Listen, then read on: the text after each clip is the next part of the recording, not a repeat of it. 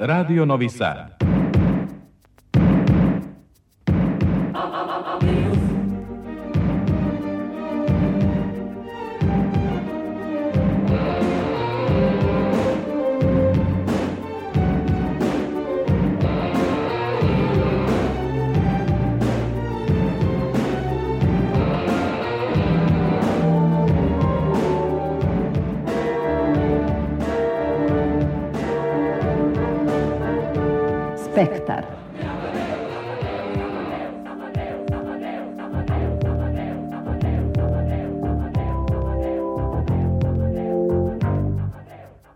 Spektar.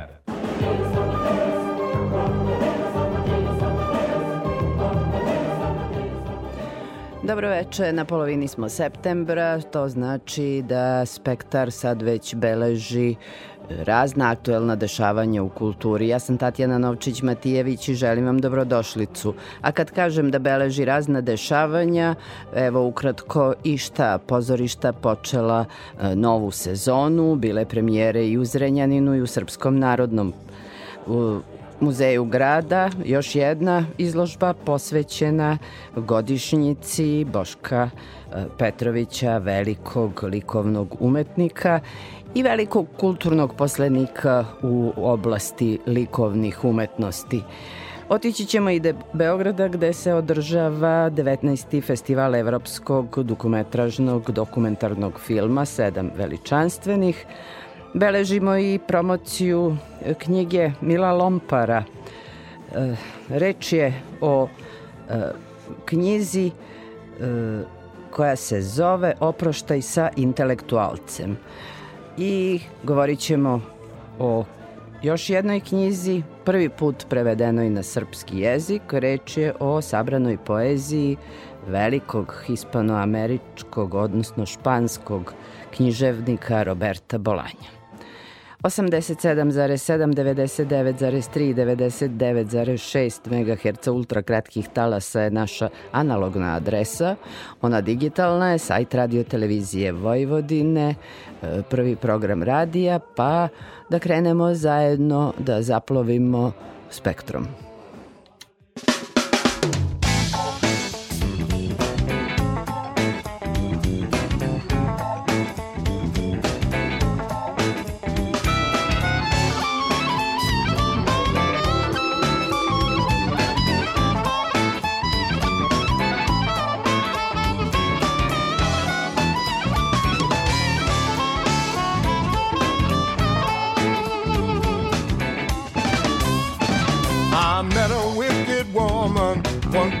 Chicago night.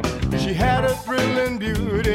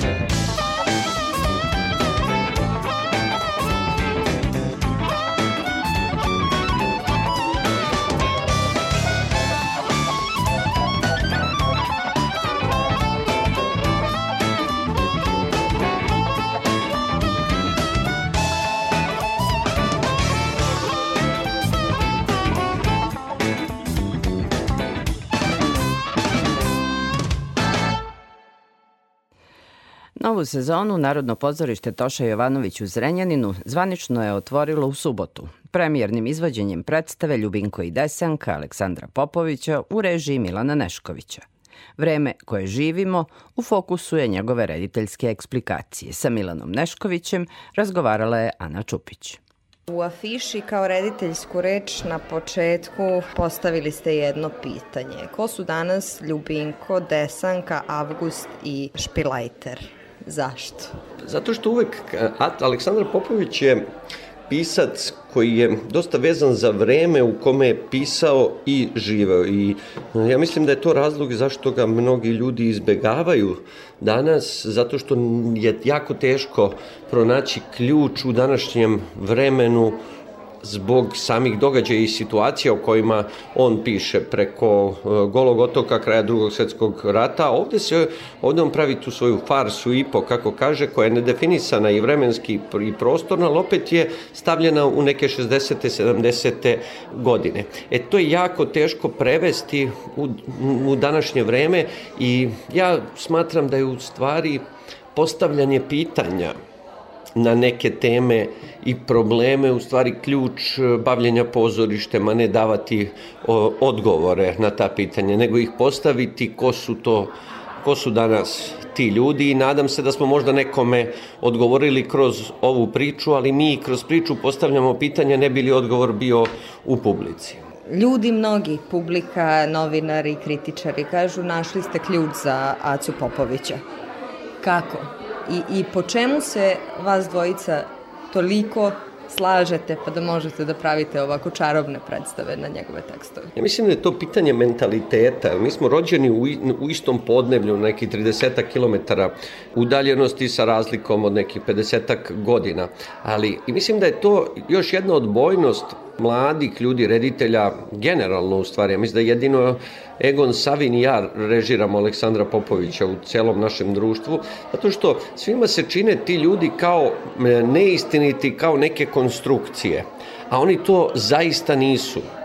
Kada se pronađe taj ključ topline ljudske i poznanstva tih ljudi koje ja zaista viđam i viđao sam celo svoje detinstvo u Valjevu, Aca je rođen u okolini Uba, u selu Piroman, pored Uba, evo, samo to, sama reč da je on rođen u selu koji se zove Piroman, određuje njegov absurd i farsičnost njegovog života i on je poznavao te ljude i ja znam ko su ti ljudi, da su oni stvarni i iskreni, da su farsični u, svojoj, u svom nastupu, zato što iza toga kriju neku svoju nesreću, neku samoću, neku svoju emotivnu nezrelost, nekad čak i emotivnu hendikepiranost, ali ona oni je poseduju, samo ne umeju da je verbalizuju često je kad se prokljubi, ja mislim, taj način i razumevanje Aleksandra Popovića i kada mu se posvetimo dubinski, mi shvatimo da je on vrlo verovatno jedan od najvećih pisaca ikada, a pogotovo, što ja decidno uvek tvrdim, najbolji pisac dijaloga na srpskom jeziku. Vi ste ga ukomponovali sa Brehtom u, u, u ovoj postavci. i kroz te FAU efekte ste potpuno razigrali jedan onako statičan kako bih rekla, komad scenografije, odnosno tu klupu na kojoj se veći deo predstave odvija.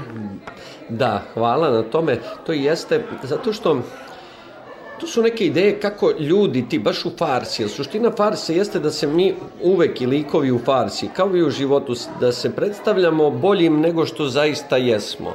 Pogotovo u trenucima kada smo, na primer, zaljubljeni, tada je čovek 50% gluplji nego što zaista jeste i onda radi neke stvari koje su mu neprimerene zbog kojih se, zbog kojih se posle i kaje. Naša ideja ovde, baš u tim FAU efektima je bila kako u njihovim glavama izgleda život kakav bi trebao da bude, a onda se vraćamo konstantno u realnost, da vidimo njihove verzije života kako bi trebao da izgleda iz njihove glave, a ono na što sam ja najviše ponosan jeste što smo promenili tako malo kraj, tako da ti njihovi snovi dobiju svoje ovaploćenje u, u, u realnosti na samom kraju, jer mislim da je jako bitno imati optimizma, pogotovo u današnje vreme. Mi smo počeli pr, ove probe dva dana posle e, one čuvene tragedije u Ribnikaru. Ja sam posle toga jako želeo i rekao na toj probi, tada sam bio siguran da želim da napravim jednu toplu predstavu, empatičnu, koja je u slavu ljubavi, empatije, altruizma i dobrote, kako bi izašla publika iz pozorišta plemenitija i zadovoljnija i empatičnija prema svom partneru, prema deci, prema komšijama, prema kolegama i mislim da smo u tome da smo u tome uspeli. Jeste, ali da niste imali ovako energične i divne mlade glumce, možda i ne biste.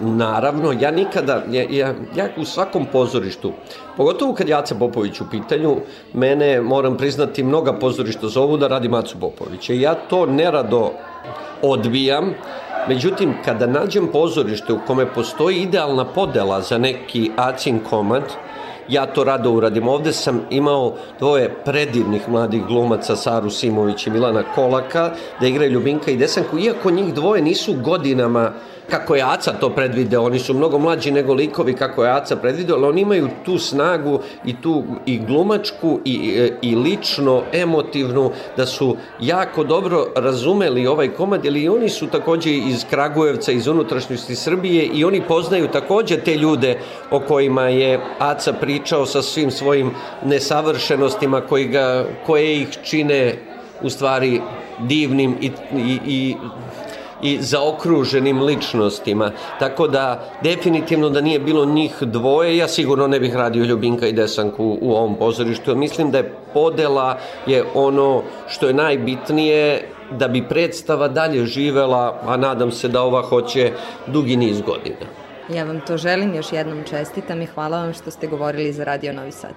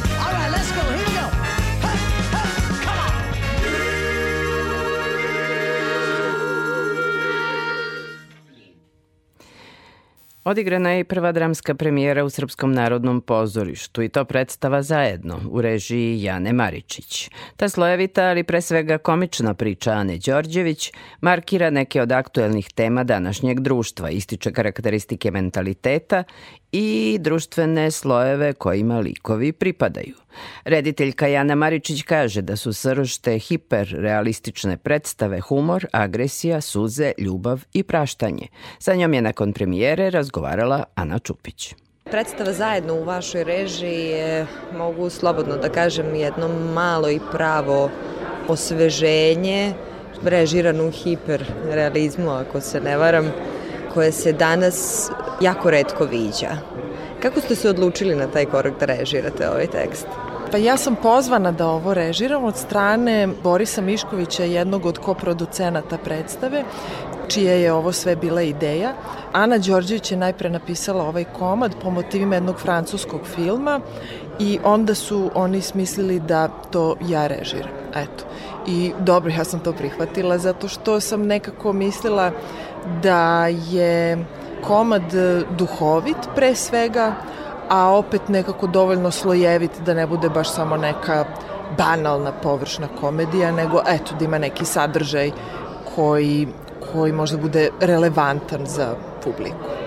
Da, ova priča nosi neverovatnu težinu, zapravo okolnost, e, ručak posle sahrane je, odnosno posle davanje sedam dana pokojniku je već dovoljno teška stvar, a pogotovo teme koje se povlače, koje bih rekla da su sada jel, i aktuelne za, za ovo društvo naše danas. Da. Jeste to neka teška i tužna situacija, ali s druge strane je, ima komički potencijal. Ne zaboravimo da jedna od najizvođenijih komedija na našem jeziku je Nušićeva ožalošćena porodica koja se takođe dešava u oči Parastosa. Ovaj, tako da u tom smislu o, smo i mi to tako tretirali kao jednu situaciju pojačane napetosti u kojoj je vrlo verovatno da će a uz naravno alkohol i određene količine alkohola, e, da će ti članovi familije da se svađaju, optužuju, da nekako izgovore jedni drugima stvari koje nikad nisu. Eto.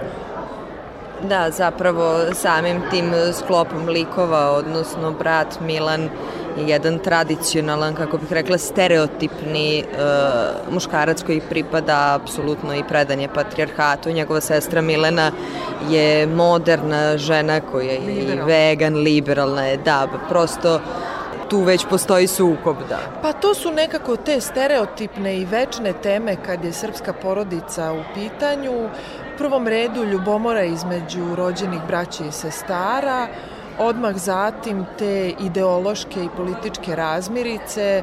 Moja generacija je rasla u, bu, u buci, u bučnim dnevnim sobama i trpezarijama u kojima su se večito vodile e, svađe i užarene rasprave isključivo oko politike.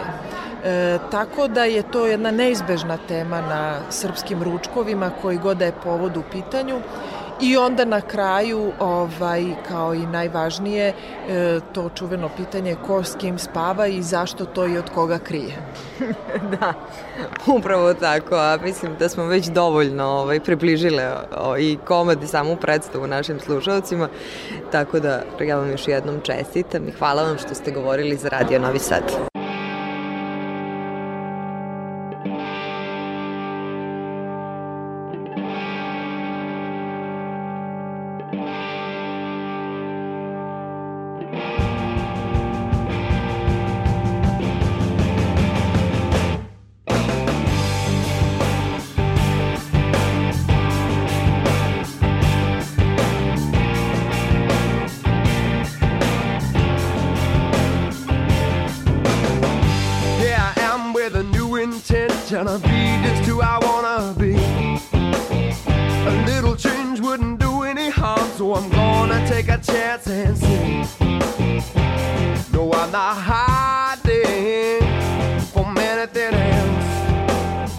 ain't trying to be no Jimmy or Stevie. I wanna be my goddamn self.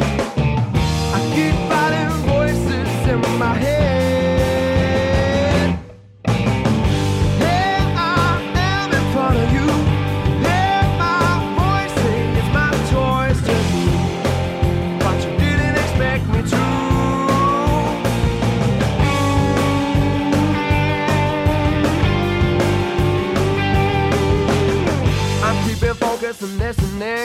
Cause there's plenty more I need to know. But don't tell me who I should be Cause I'm in control of my own show. No, I'm not hiding from anyone else. I'm sick of hearing I can't do this. I can only be my goddamn self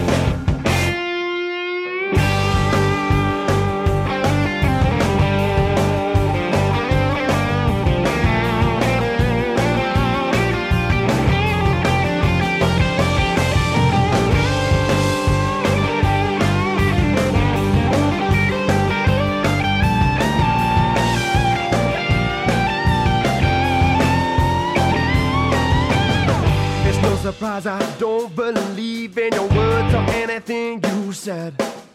I've seen the writing in black and white. Don't fall for everything you've read.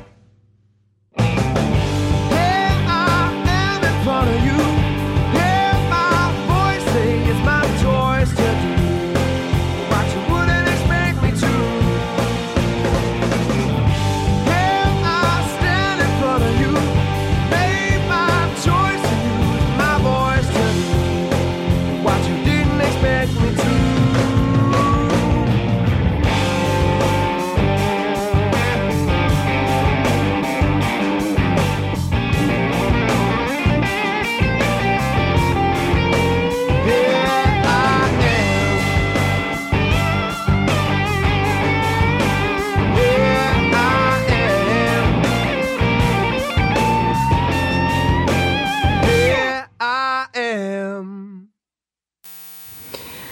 Okviru 50. Infanta, internacionalnog festivala alternativnog i novog teatra u Novom Sadu, u Srpskom narodnom pozorištu izvedena je predstava Frank Peti, Slovenskog narodnog gledališća u Mariboru.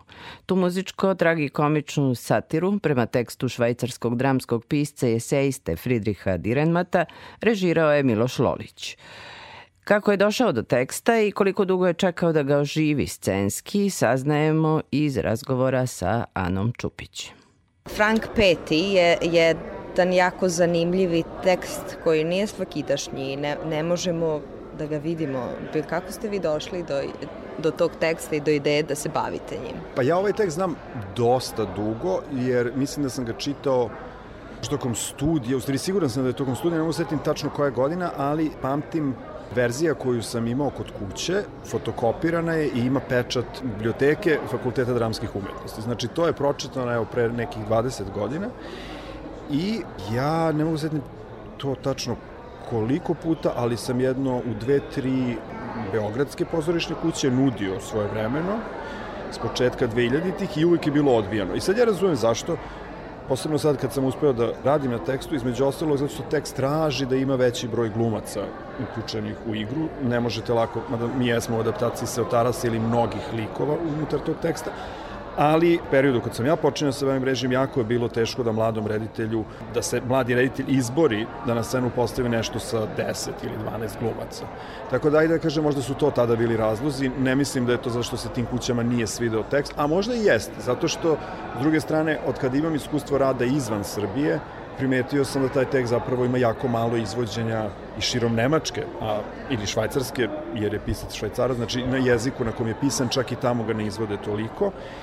I e, ne znam, možda ga i ne cene, ali eto, meni je ostao u sećanju i sad još kad smo radili mi se potvrdilo kao izuzetno zabavan i čak pronicljiv, ulazi u neke teme koje mi se čini još uvek aktuelnim, čak mi je pomalo i suludo da, da nešto što je pisano pre 60 godina u bankovnom sistemu je danas nama i tekako razumljivo. I e, da, eto, to, ta, tako sam nekako došao do teksta.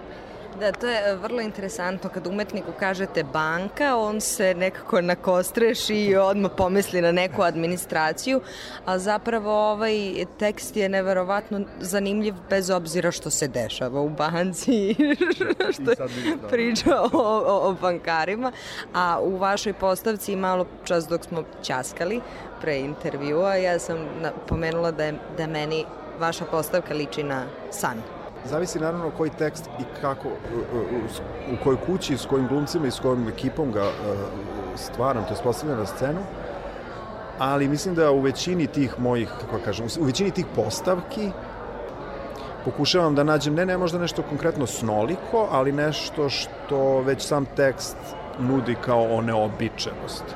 I mislim da sam se za to uhvatio ovde i pustio da to bude motor, pa možda odatle i izvire to što zoveš snolikim.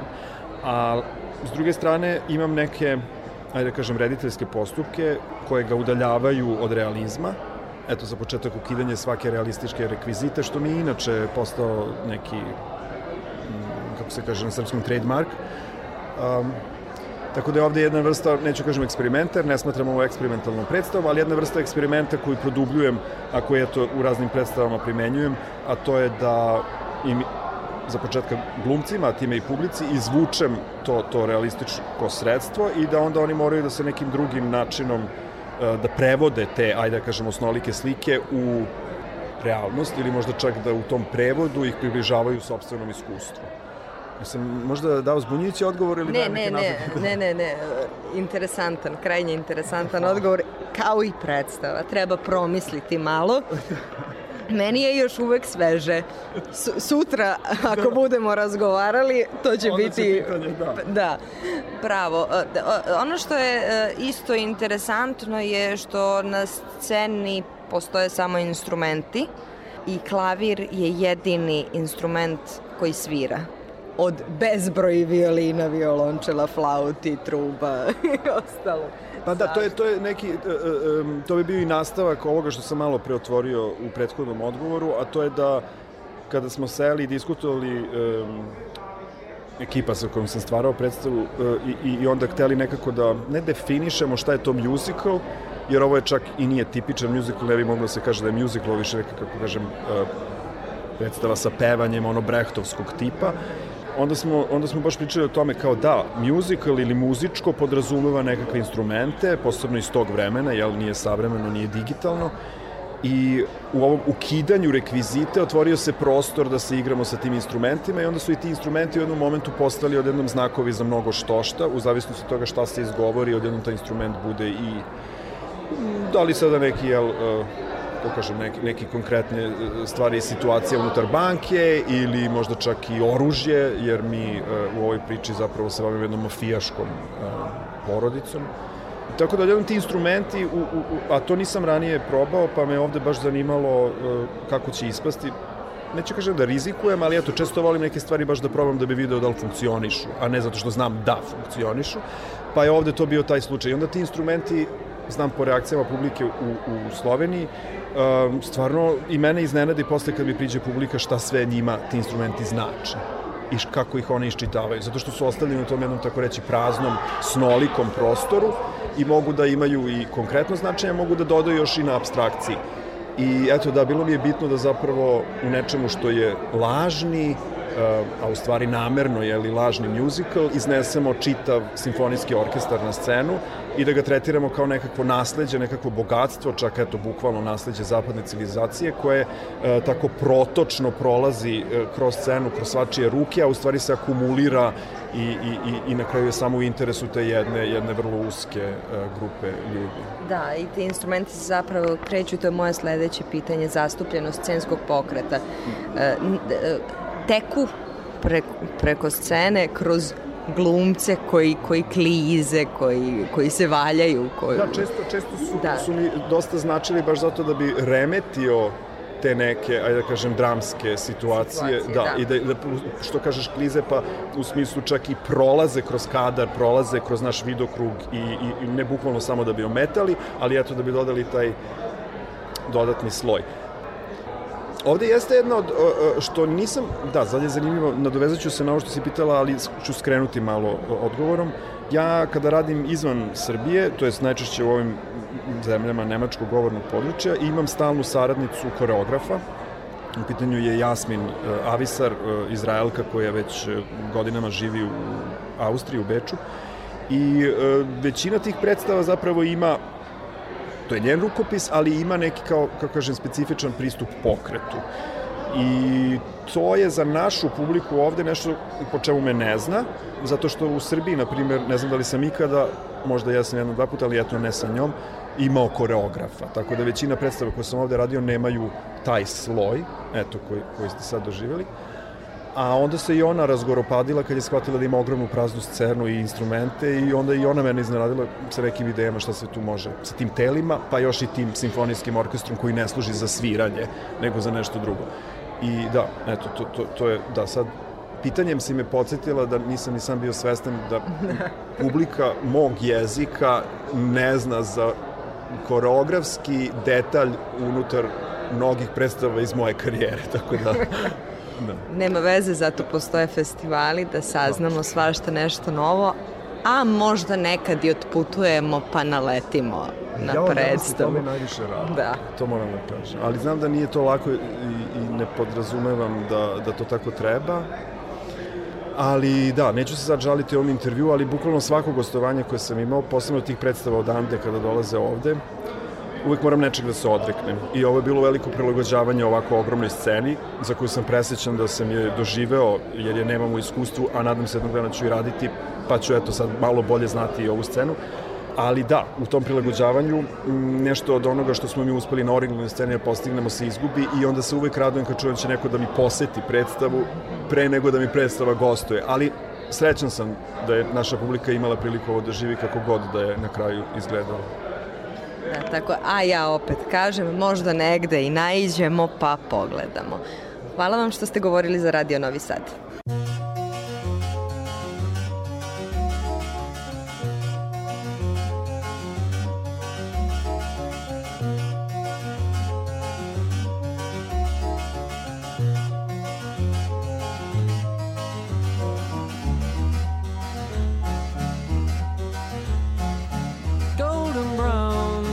Brown like sun lays me down with my mind. She runs throughout the night.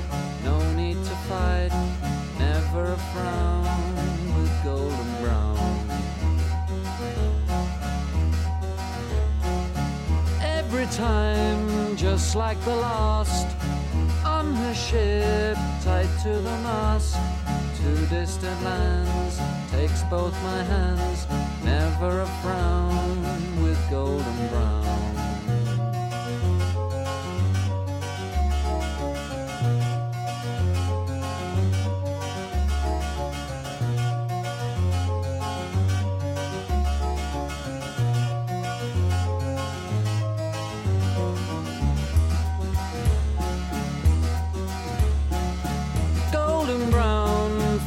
temptress. Through the ages, she's heading west. From far away, stays for a day. Never a frown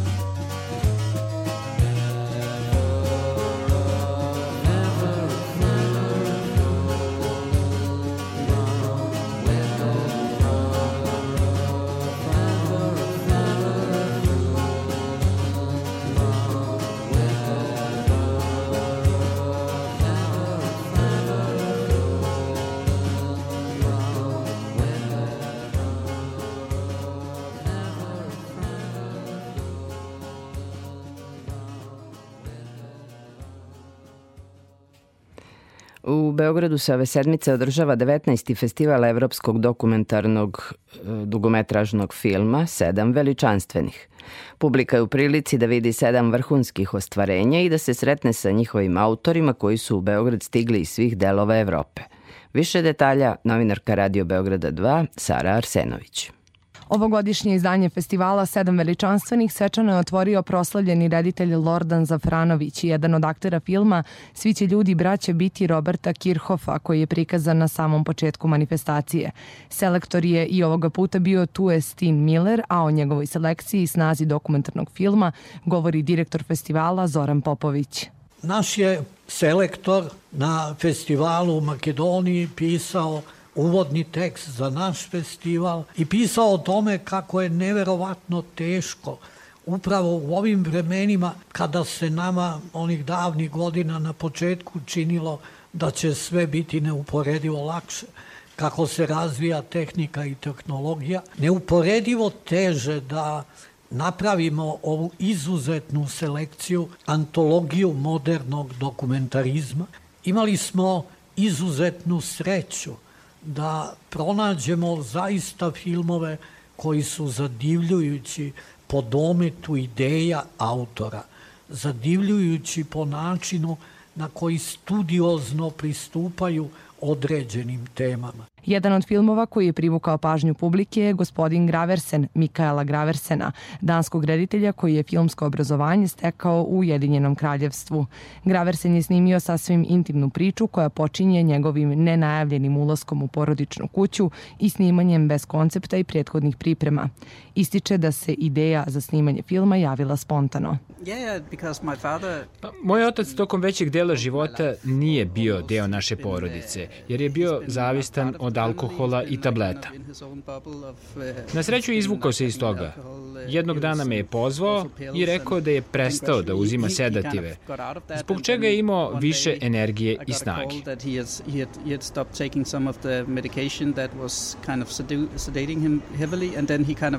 was more energetic and more kind of open to life. To me veoma zainteresovalo, pa sam otišao po kameru i došao u porodičnu kuću, ne znajući u kom će pravcu uopšte ići to snimanje. U mojim prethodnim filmovima sam dugo razvijao koncepte i imao jasan proces rada, a sada nisam mogao da pretpostavim šta ću u stvari snimiti. Drugi nordijski autor koji se predstavlja na festivalu Sedam veličanstvenih je Karl Olson i to ostvarenjem Zimska saga. Sam naziv filma je inspirisan istoimenom poznatom švedskom pesmom iz 80-ih koja predstavlja poetsku varijantu melanholične zimske himne Švedske, kaže Olson. Sama pesma nije toliko važna za gledanje filma. Za mene ona je predstavila strukturnu inspiraciju jer je veoma fragmentirana. Opisuje švedsku zimu kroz svakodnevne situacije. Na publici je da povuče veze između tih situacija i same pesme. Meni je kao reditelju bilo veoma inspirativno kako toliko fragmentarna forma može da izazove tako snažne emocije ili snažnu atmosferu.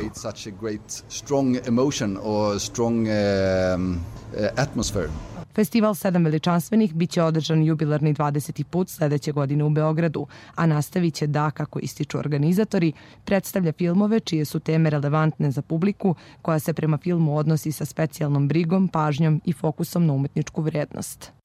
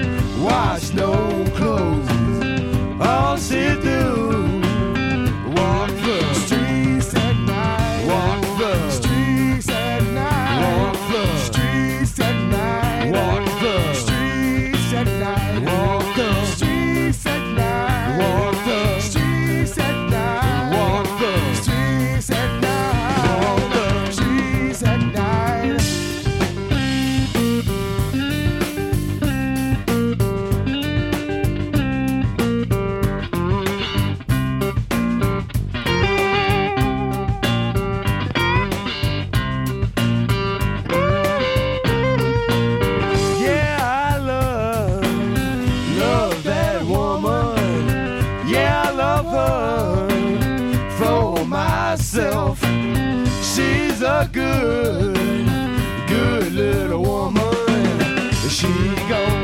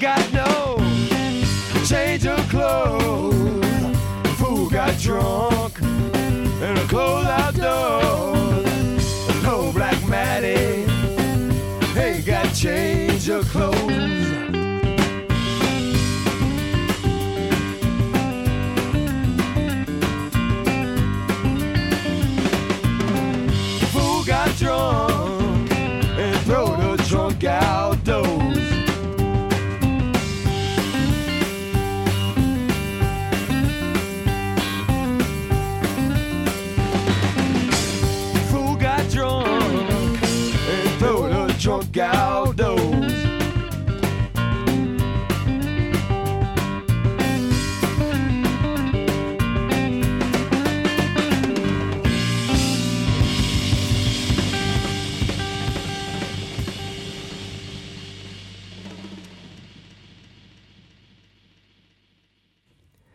Ovo je Spektar, magazin za kulturu prvog programa radija Radio Televizije Vojvodine. Muzejski programi poslednjih meseci bili su posvećeni slikaru, tapiseristi, kulturnom posleniku i jednom od omiljenih novosadskih umetnika Bošku Petroviću. Bio je osnivač vojvođanskih umetničkih kolonija i inicijator ateljeja 61 za izradu tapiserija. Stogodišnjicu njegovog rođenja obeležili su izložbama Muzej savremene umetnosti, Muzej Vojvodine, Savremena galerija u Zrenjaninu, Galerija Belart. Porodica umetnika postojeće kolekcije upotpunila je poklonima. Boško Petrović učestvuje u osnivanju gradske zbirke u Novom Sadu. Na izložbi u muzeju grada, osim slika, tempera i crteža, izloženo je i svih devet tapiserija iz fonda. Gradski muzej ima najbogatiju kolekciju njegovih tapiserija, kaže kustoskinja Jelena Banjac u razgovoru sa Aleksandrom Rajić. Prvo delo e, Boška Petrovića koje je ušlo u zavičajnu galeriju Muzeja grada Novog Sada koje se bavi proučavanjem, izučavanjem, izlaganjem savremene umetnosti u Novom Sadu jeste ova ovde e, tapiserija Usijana ptica. E, Mi ukupno imamo devet tapiserija Boška Petrovića u našoj kolekciji koja broji 30 radova a u samom muzeju imamo ukupno 39 dela Boška Petrovića, tu su i ulje na platnu i kolaži, pored tapiserija, tempere, različite njegove skice za izradu tapiserija. Izuzetno je zbirka bogata i zaista mogu reći da su u pitanju reprezentativna dela iz brojnih njegovih ciklusa i faza u kojima se ogledao i kojima je stvarao. Da, tu već vidimo i njegove građevine i njegove hlebove na tim motivima. Međutim, ova kolekcija tapiserije, ja ne znam da li neko još ima toliko bogatu kolekciju kao Muzej grada Novog Sada. Koliko sam ja uspela da uh, utvrdim, čitajući uh, različite preglede kataloge, čini mi se da je naša zbirka kolekcija tapiserije Boška Petrovića najbrojnija. U ateljevu čuvaju osam njegovih tapiserija, u ateljevu 61, a mi imamo devet primeraka. Na e, izložbi imamo e, tapiseriju Kreveti na sprat, koja je e, izlagana svoje vremeno i u Rio de Janeiro i u Sao Paulo. Ona je bila deo one velike jugoslovenske međunarodne izložbe koja je kružila po svetu, po Americi i severnoj i južnoj i u nekim evropskim gradovima. Prošle godine smo obeležili 100 godišnjicu rođenja Boška Petrovića i 40 godina od smrti. Od smrti. Da li je i ova izložba na neki način omaž tom datumu? Tako je, ova izložba je omaž stogodišnjici rođenja Boška Petrovića. Mi se ovom izložbom zahvaljujemo i Višnji Petrović koja je muzeju tim povodom darovala devet radova svog oca. Mi ove godine obeležavamo još jednu godišnjicu, a to je 60 godina od osnivanja Zavičajne galerije Muzeja grada. Ona je osnovana 1963. godine, tada pod nazivom Galerija savremenih novosadskih umetnika i u njenom osnivanju učestvovao i Boško Petrović, pored nekolicine savremenih tada autora novosadskih. U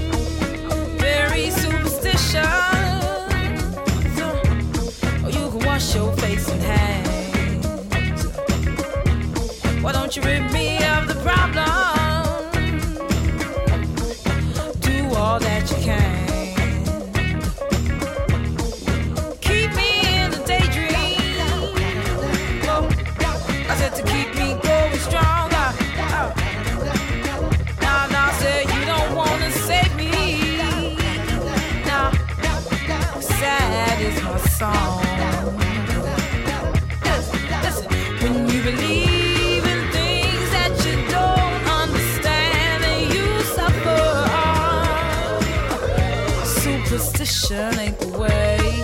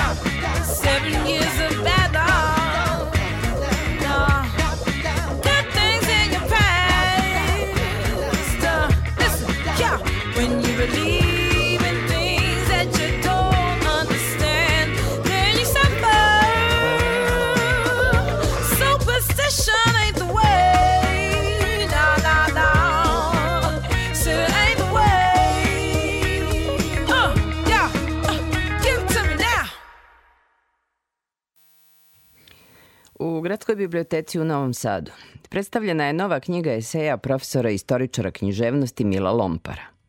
Esejista, čija je polemička knjiga Duh samoporicanja imala čak 13 izdanja, a naslovna sintagma postala deo dnevno-političkog jezika i novom zbirkom, oproštaj sa intelektualcem, otvara probleme koje istina i etika postavljaju pred savremenog intelektualca. Knjigu Oproštaj sa intelektualcem objavila je Srpska književna zadruga u saradnji sa Banjalučkim centrom za srpske studije. O statusu intelektualca govori u esejima o ličnostima iz srpske istorije i značajnim savremenicima i njihovom odnosu sa svetom. Intelektualac, kaže Milo Lompar, mora danas da bude svestan svoje beznačajnosti, ali to nije razlog da odustane od svog poziva. Ako u ovoj temi koja je veoma bitna i prisutna u 20. veku, treba da damo neku ocenu koja bi danas bila merodavna i koja bi bila merodavna za mene. Onda je ključna e, osobina današnjeg intelektualca koji je figura u senci, ako ne i u iščezavanju, e, a kazat ću zašto, u tome da se on mora zamerati i strani koju zastupa. Dakle, intelektualci imaju svoja polazišta, oni imaju svoje stavove, oni imaju horizont koji biraju kao ono što uh, okupira njihovu angažovanost, ali uh, oni moraju neprestano negovati uh, misao da između njihovih stavova i onoga što se u stvarnosti događa čak i sa pozivanjem na njihove stavove postoji jedna neprelazna granica. To znači da intelektualac mora biti spreman da se zamera i, kažem, strani koju zastupa. To je ta neugodna pozicija koja je na neki način meni bitna u razumevanju same ove figure. Inače, između čoveka i Boga je bio sveštenik. I to je ishodišno mesto intelektualca. On odatle potiče. Kad je moderna na neki način, od renesanse pa postepeno u fazama, mesto Boga na izvestan način stavljala u senku, sve do onog Ničeovog čuvenog uzvika Bog je mrtav, a to je već vesela nauka, to je već neka 1882. valjda godina, Dakle, to mesto moći je postalo ospoljeno. Bog je na neki način objašnjavao zašto je svet takav kakav jeste, zašto je crkva moćna, a sebar nemoćan, zašto unutar nekih e, sadržaja sveta jedni imaju više, a drugi manje prava. Bog je bio jedna vrsta univerzalnog objašnjenja za sve to, pa sad se to objašnjenje čitalo u različitim registrima, političkim, ideološkim, materijalnim i tako dalje. A onda je moderna to polako sklanjala i ostala je moć. Pokazalo se da moć želi neku drugu vrstu organizacije sveta i samim tim svesti. Moć je na neki način sa francuskom revolucijom postala javna. Francuska revolucija je na neki način učinila moć javnom i e, dala joj jednu vrstu vidljivosti koja pre toga nije zabeležena.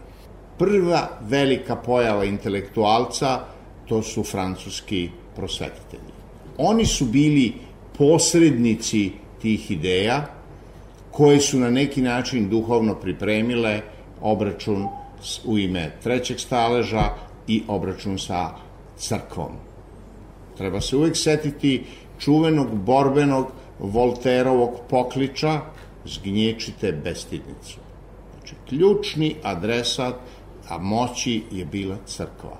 Oni koji su uzdrmavali tu prilično trošnu građevinu, davali nadu, snagu e, čitavom jednom građanskom sloju koji se budio trgovcima, advokatima, kretanju e, novca preko Atlantika, e, jednu vrstu bogaćenja koje je brže, jer je brzina postala bitan činilac. Aristokratija je bila zemljoposednička, a trgovina, prenos brodova sa jedne na drugu obalu okeana je donosio brži promet novca, Dakle, trgovci su postajali bogatiji od, uh, od plemića, dakle, odvijala se jedna promena koja se tu događala. Dakle, u tom smislu, to kretanje je obezbedilo, imalo potrebu za svojim posrednikom. Trebalo je tu novu poziciju moći posredovati. I tu je intelektualac nasledio sveštenika. Ljudske tegobe, ljudske nevolje, ljudski porazi bili su u nekom smislu u njegovoj a, a, nadležnosti. Pojavila se u ubrzanom a, dejstvu štampa. Intelektualac je veliki junak 19. veka jer je veliki junak štampe on iznosi u štampi svoje mišljenja, on zastupa određene interese i na neki način ih okreće. 20. vek, kaže Milo Lompar, sve to ubrzava. Tri su knjige, smatra on, ključne za razumevanje uloge intelektualca. Izdaja intelektualca, Žilijana Bende s početka, Sartrov govor, šta je intelektualac i Treća knjiga koja je značajna e, za ovo što hoću da kažem, za iščezavanje figure intelektualca, jeste knjiga koja e, podrazumeva jednu vrstu apologije intelektualca. To je knjiga jednog poslednjih Sartovih učenika, Bernard Henri Levija, zove se Pohvala intelektualac, izašla je 1988. godine. I u isto vreme izašla je jedna druga knjiga Paula Johnsona, Intelektualci, iste te 1988. godine. Johnson piše drugčije. Johnson kaže, dva veka nam intelektualci ispostavljaju svoje norme, svoje zahteve, svoje ideje. Ajde mi da vidimo ko su oni. I tu sada vidimo jednu primenu onoga što nas je naučila psihoanaliza, a to je da se tamna strana ličnosti e, prepoznaje unutar njenoga e, javnog prostora i onoga što nas je Niče naučio, da je u korenu svakog ideala izvestan negativni impuls. I sad vođen tim e, nalozima epohe, Paul Johnson e, otkriva biografije intelektualaca. Marx je sebičan, odvratan, ne brine o svom sinu, Sartre je samo reklamer, Russell ne voli da se kupa, i tako redom. U vrlo jednim složenim konstrukcijama on te značajne evropske figure dovodi do njihovog negativnog značaja. I ja sam tu video da je u stvari to jedna vrsta destrukcije ideje intelektualca. Bernard Henri Levi kaže drugčije. Intelektualci su važni, oni su potrebni, treba da se angažuju, ali problem je u tome što se scena promenila. Glavnu scenu nude mediji. Prema tome šta treba da radi intelektualac? I Bernard Henri Levi nema nikakvu dilemu. Intelektualac treba da hrli u medije. Dakle, on jednostavno rečeno kaže intelektualac treba da postane deo moći. On, jer medijima, upravlja moći. To je u isto vreme, po mom mišljenju, njegova smrt. Ali Bernard Henri Levi je inače propovednik smrti. Tako da on u izvesnom smislu e, kaže da ta figura je prošla svoja značenja. Znači imamo Johnsona koji kaže, ma to su sumnjivi tipovi, imaju oni neke vrednosti, čak i nekad nešto su dobro rekli, ali ne znam, ovaj ima vambračnu decu, ovaj ne plaća porez. To je sve krajnje nesolidna struktura, znači to je moderna uh, korozija vrednosti. Moderna uživa u koroziji vrednosti.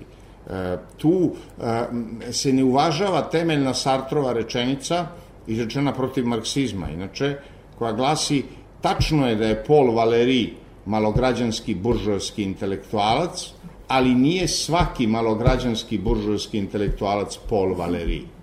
Dakle, jesu ti ljudi u svojim slabostima jednaki svim drugim ljudima, ali nije to pitanje.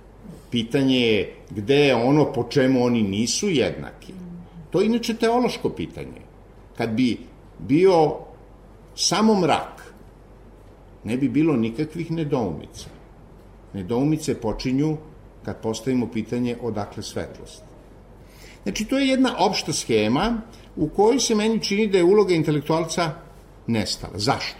Zato što ja mislim da između moći i mase tehnika je učinila da nema više potrebe za posrednikom. Dakle, nije u pitanju individualna slabost čoveka, njegov loš karakter, Ne, objektivno nema potrebe za njim. On je bio idealan transmisioni objekat, idealan relej da bi moć preko e, e, štampe saopštila, učinila jasnim i vidljivim nalog koji mase treba da prihvate, recimo kad je rak ili kad je bilo što drugo, i obrnuto on je bio idealan relej da prenese ono što mase nose kao svoju potrebu unutar horizonta moći. Sada je tehnička dimenzija egzistencije, njena e, pretočenost u sliku, njena brzina, učinila da posrednik nije potreban. Masa i moć su u direktnom odnosu. Moć upravlja masom direktno. I've nothing much to offer. There's nothing much to take. I'm an absolute beginner. But I'm absolutely sane.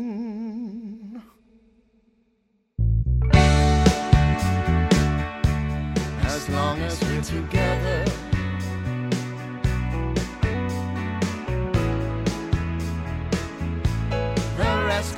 don't you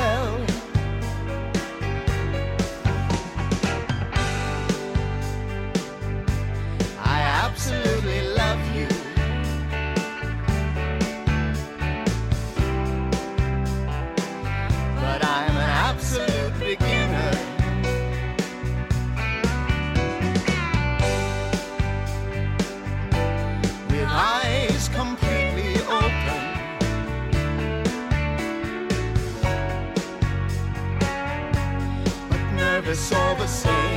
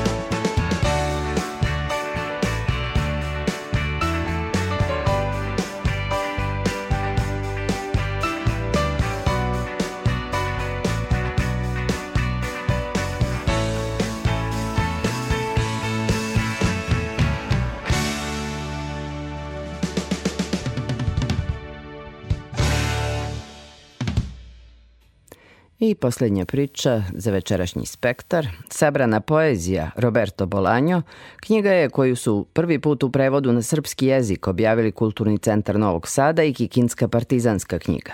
Prevodioci su Dušan Vejnović, Ivan Radosavljević i Bojana Kovačević-Petrović, koja je i sagovornica spektra. Roberta Bolanja smo upoznali preko njegove proze. Evo sada imamo, pa čini mi se, jedinstvenu priliku i ekskluzivnu da čitamo Bolanja ono što on suštinski i jeste i kako je krenuo u književni život, a to je njegova poezija. Moram da pitam za motiv da se sakupi, to je kompletna poezija njegova, sabrana poezija, mm. tako je. To je zapravo ideja Kulturnog centra Novog Sada, odnosno Alena Bešića i ekipe iz Partizanske knjige. Oni su inače već dugogodišnji uspešni saradnici Kada je reč o poeziji, zapravo kulturni centar i tekako ima dobar ukus, dobar odabir i Alen Bešić kao urednik i tekako zna šta radi i njegova procena je bila, kao i kolega iz Partizanske knjige, da bi bilo dobro i potrebno da se na srpskom jeziku pojavi Bolanjova poezija. Nekako se potrefilo i da je to objavljeno u jednom tomu u Španiji, dakle njegova izdavačka kuća Alfaguara, koja se zapravo negde preinačila i u druge izdavače, koji naravno prestižna je stvar objavljivati Roberta Bolanja, I e, kada smo dobili tu knjigu i autorska prava za nju, u stvari smo svi videli koliko je to obimno. Ta knjiga u originalu ima bezmalo 700 stranica. I onda je naravno i pala ideja da, da se taj prevod uradi trojno. Tako da sam ja samo jedan od prevodilaca, jel da? Ali s druge strane treba istaći činjenicu da je Roberto Bolanjo nekako na mala vrata ušao kod nas i, i da su ga razne izdavačke kuće objavljivale i da nisu svi prevodi podjednako uspeli, tako da mislim da je to jedan od razloga što te knjige možda nisu zaživele koliko bi trebalo, ali je takođe e, činjenica da je jedan od prevodilaca Dušan Vejnović dobio nagradu Udruženja književnih prevodilaca za prevoda Majlije i ta knjiga je zaista u svakom pogledu reprezentativna i eto ujedno i preporuke da se Bolanjo upozna kao prozni pisac. Što se njegove poezije tiče, on se celog života deklarisao kao pesnik i zaista to nije samo Bolanjo pesnik, to je poezija u Bolanjovom životu. Dakle, mesto poezije. Bolanjo je od onih stvaralaca koji istinski živi za svoju umetnost. Fizički je sluga svoje umetnosti on ima drugačiji odnos prema stvaranju nego što smo navikli da imaju pisci i to i drugačiji život u odnosu na mnoge pisce koje poznajemo i zapravo je njegova poezija i njegovo celokupno delo u neposrednoj sprezi sa njegovim životom koji bi mogao da se dobrim delom nazove tragičan. Naime, on je rođen u Čileu, međutim, kada je imao 15 godina i već je rešio da napusti školu, tako da kažem, jel da, sa roditeljima koji su inače bili nomadi. Preselio se u Meksiko i Meksiko je izuzetan trag u njegovom životu ostavio i zapravo mnoga dela njegova govora i dešavaju se u Meksiku govore o Meksiku. S druge strane, kad je rešio da napusti formalno školovanje, on je već bio veliki čitalac i to je recimo jedna njegova dodirna tačka sa Borgesom koja se često spominje, da je mnogo važnije, e, da su mnogo važnije knjige koje pročitaš nego one koje napišeš. Sve u svemu, e, Meksiko je bio vrlo važan u njegovom životu i njegovom formiranju kao pisca, ali je takođe činjenica da je taj bojemski život zaslužan ili kriv što Bolanjo nije uspeo da se ostvari kao pisac. Dakle, on je radio kao perač sudova, čista čulica, e, bio je dosta dugo, je droga u njegovom životu bila prisutna, jetra mu je propala od toga, na kraju od toga je umro sa 50 godina, jel da, zato što nije mogao da dočeka da mu presade jetru. I sve je to naravno imalo svoj danak, ali uporedo sa tim poezija je bila sve prisutna i ja bih se osvrnula na nekoliko dela zapravo koja su u neposrednoj vezi, na primjer Divlji detektivi, koji se, koji se smatruju jednom, jednom od najvažnijih knjiga ikada napisani napisanih na španskom jeziku. To je knjiga o pesnicima i zapravo Bolanjo e, naravno u svakoj svojoj knjizi piše o sebi i njegova sabrana poezija je poezija o njemu. Bolanjo je jedan veliki autor koji je takako sklon autobiografskom štivu koje je nekada eksplicitno, nekad se čita između redova i u 2666. dakle to je prva knjiga koja je objavljena posthumno koju on želeo da objavi u više knjiga, ali je na kraju objavljena u jednom tomu, ona ima oko hiljadu stranica, u srpskom prevodu ima dva toma, to je recimo objavila e, Laguna i to je, to je onako prva knjiga koja je možda bila malo vidljivija. Ali takođe bih htela da napomenem da su neke njegove pesme i u, dakle u ove knjizi naravno posvećene njegovom sinu kao i cela zbirka, sinu Leutaru sa kojim je imao poseban odnos I ono što je takođe e, evidentno to je da on u poeziji naravno koristi kolokvijalni jezik. Dakle, on nije od onih visoko intelektualnih pisaca koji teže hermetičnosti. Njegova hermetičnost je potpuno prirodna, znači on je bio mističan u tom smislu pravom boemskom. Voleo je da poezija i uopšte njegovo delo bude obavijeno velom tajni, uvek je negde bio na ivici egzistencije. Bukvalno je da sastavljao kraj s krajem do, na primjer, nekoliko godina pred smrt. On je tek pet godina godina pre nego što će umreti postao slavan ili počeo to da biva i zapravo je njegova slava istinski porasla kada je preminuo 2003. godine. U tom momentu postoji podatak da je imao potpisan ugovor sa 40 izdavača na različitim jezicima i zapravo od tog momenta kreće njegov književni uspon. Eto, to je još jedna od tih tragedija, ali nije tu kraj priče. Koliko je jezik njegove poezije drugačiji od jezika njegove proze? I jeste i nije. Ono što je očigledno to je da je malo kolokvijalniji, dakle meni se to negde i dopada zato što je to bio prevodilački izazov. Pun je simbolike, ali ta simbolika je bolanjovska. Trebalo je čitati bolanja pre prevođenja te poezije. Ja sam imala tu sreću da sam napisala nekoliko naučnih radova o njemu, tako da je on meni i iznutra bio dosta poznat, tako da kažem, i blizak e, kada sam ušla u taj njegov svet, za koji mi čak nije trebalo toliko vremena koliko mi nekada inače treba kada ulazim u nečije prevode, u nečiju svest, u nečije biće, jel da, da bih uspela te reči da prenesem. E, on negde provejava kroz svoje stihove da je sudbina pesnika smrt i to je puno puta rekao. Na primjer, njegov poslednji javni diskurs je bio u Sevilji dva meseca pre što će umreti i naziv tog teksta koji je objavljen ubrzo po njegovoj smrti zove se Sevilja me mata, Sevilja me ubija. Pomenula bih takođe da poezija Roberta Bolanja obiluje referencama na Meksiko, dakle jako je puno Meksika tu, negde, negde je ta, negde je simbolika, neki, neki predmeti, neke aluzije, neke ličnosti, kao što je, na primjer, Bogorodica od Guadalupe, ili, na primjer, e, neke, neki pesnici, kao što je Mario Santiago, kojem posvećuje više pesama i, i nekako je ta osoba jako važna u njegovom životu, ili, recimo, činjenica je takođe da on ima mnogo pesama u pro prozi, ali zato što na taj način doživljava poeziju. I negde kad i druge stvari Bolanjove, druga dela čitamo, čini nam se na mahove, evo naročito sad iz ove perspektive kada znamo Bolanjovu poeziju, da je to poezija pretočena u prozu.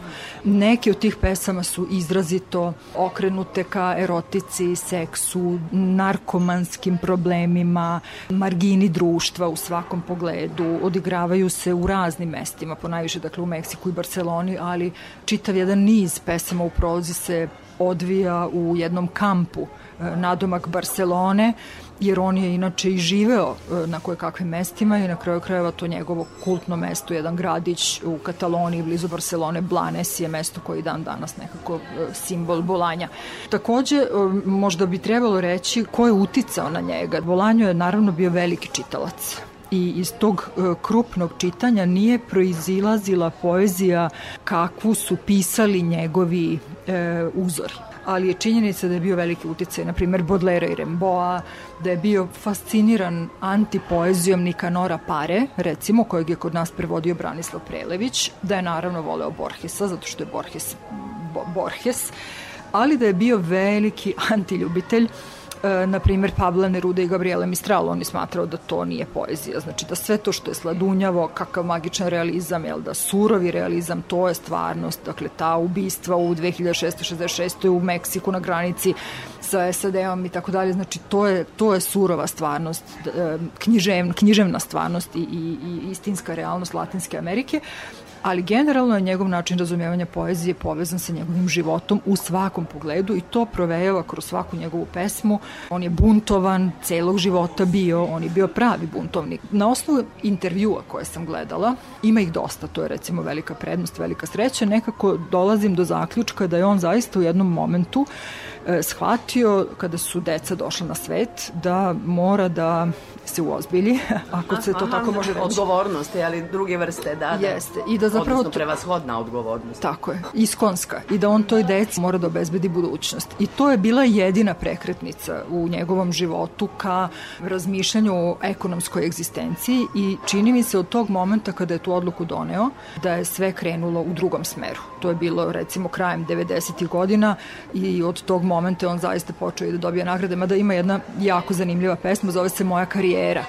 I on tu kaže slao sam radove na konkurs jednom izdavaču, drugom izdavaču, jednom uredniku, drugom uredniku, svi su me odbijali, niko nije hteo da prihvati moju, moja dela, smatrali su da to ništa ne valja, da ja nemam kao pisac nikakvu vrednost. I sad moram da ti citiram svog studenta, Lazara Bukumirovića, dakle, e, inače studenta srpske književnosti na Filozofskom fakultetu, koji je vrstan poznavalac i španskog jezika.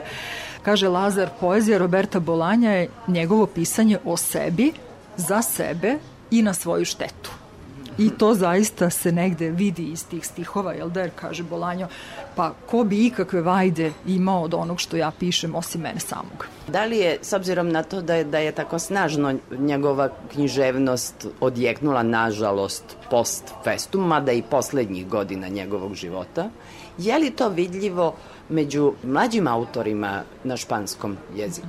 Roberto Bolanjo od kako, e, mogu da kažem od 2000. godine, je zvezda u neprestanom usponu. On se smatra najvećim piscem 21. veka, iako je umro 2003. godine. Ja se kao profesor i istraživač ograđujem od tog mišljenja, ali primećujem, pošto idem na puno kongresa, krećem se među mnogim profesorima i istraživačima latinoameričke književnosti, interesovanje za njegovo delo ne jenjava. Nema kongresa na kojem nema nekoliko radova i izlaganja na temu Bolanjovog dela. Mnogi se pozivaju na njega, mnogi ga čitaju. Ja bih ipak rekla da će vreme pokazati da li Bolanjovo delo zaista ima tu vrednost koja mu je pripisana. Ono što ja imam utisak to je da se on pojavio da ogoli književnost kroz sobstveni život i da je to zapravo najveća vrednost. Znači on je demistifikovao književnost u trenutku kada je to i tekako bilo potrebno. Možda samo još da podsjetim, 1996. godine izašla jedna knjiga koja je sigurno bila vezana i koju je sigurno čitao, mada to, taj podatak još nigde nisam našla, koja se zvala Mac Ondo. Mac Ondo je bila zbirka priča, e, tu je na primjer Edmundo Paz Soldan i tako dalje, sve muškarci, 17 mladih književnika koji su hteli da pokažu da je književnost Latinske Amerike sve samo ne magični realizam, da je to surovi realizam i da to nije Macondo iz 100 godina samoće i drugih Markesovih dela, nego da je to Mac Ondo, dakle McDonald's, Macintosh i jedna potpuno izvijena stvarnost koja nema nikakve veze sa tom magijom, pod znacima navoda, i ta knjiga je, na primjer, bila prekretnica za koju bih, e, čini mi se, mogla bih da kažem da se Roberto Bolanjo nadovezao. Znači, oni su napravili jedan veliki presak, rekli to više nismo mi, sa prezirom su gledali na autore Buma, da bi u jednom momentu shvatili da, da je to nemoguće, da dakle mi ne možemo da se odreknemo ni roditelja, ni predaka, da ih ne biramo i da je činjenica da smo mi samo nadogradnja onih što su bili pre nas, Tako da nikada ta knjiga nije doživjela drugo izdanje, ali se smatra ključnom knjigom za taj raskol između e, latinoameričke književnosti pre i posle buma i ono što je usledilo, dakle od te 1996. do danas, je jedna zdrava literatura e, koja je izvirala iz brojnih nacionalnih književnosti, stapala se sa književnošću koja je e, naravno stasavala tokom i posle buma, ali isto tako više nije taj odnos bio krizan, nego je bio vrlo harmoničan, s tim što Bolanjo, na primjer, nikada nije priznavao brojne pisce, uključujući Carlosa Fuentesa i tako dalje, znači on je smatrao da je njihova slava izvikana i da zapravo ta dela nemaju toliku vrednost.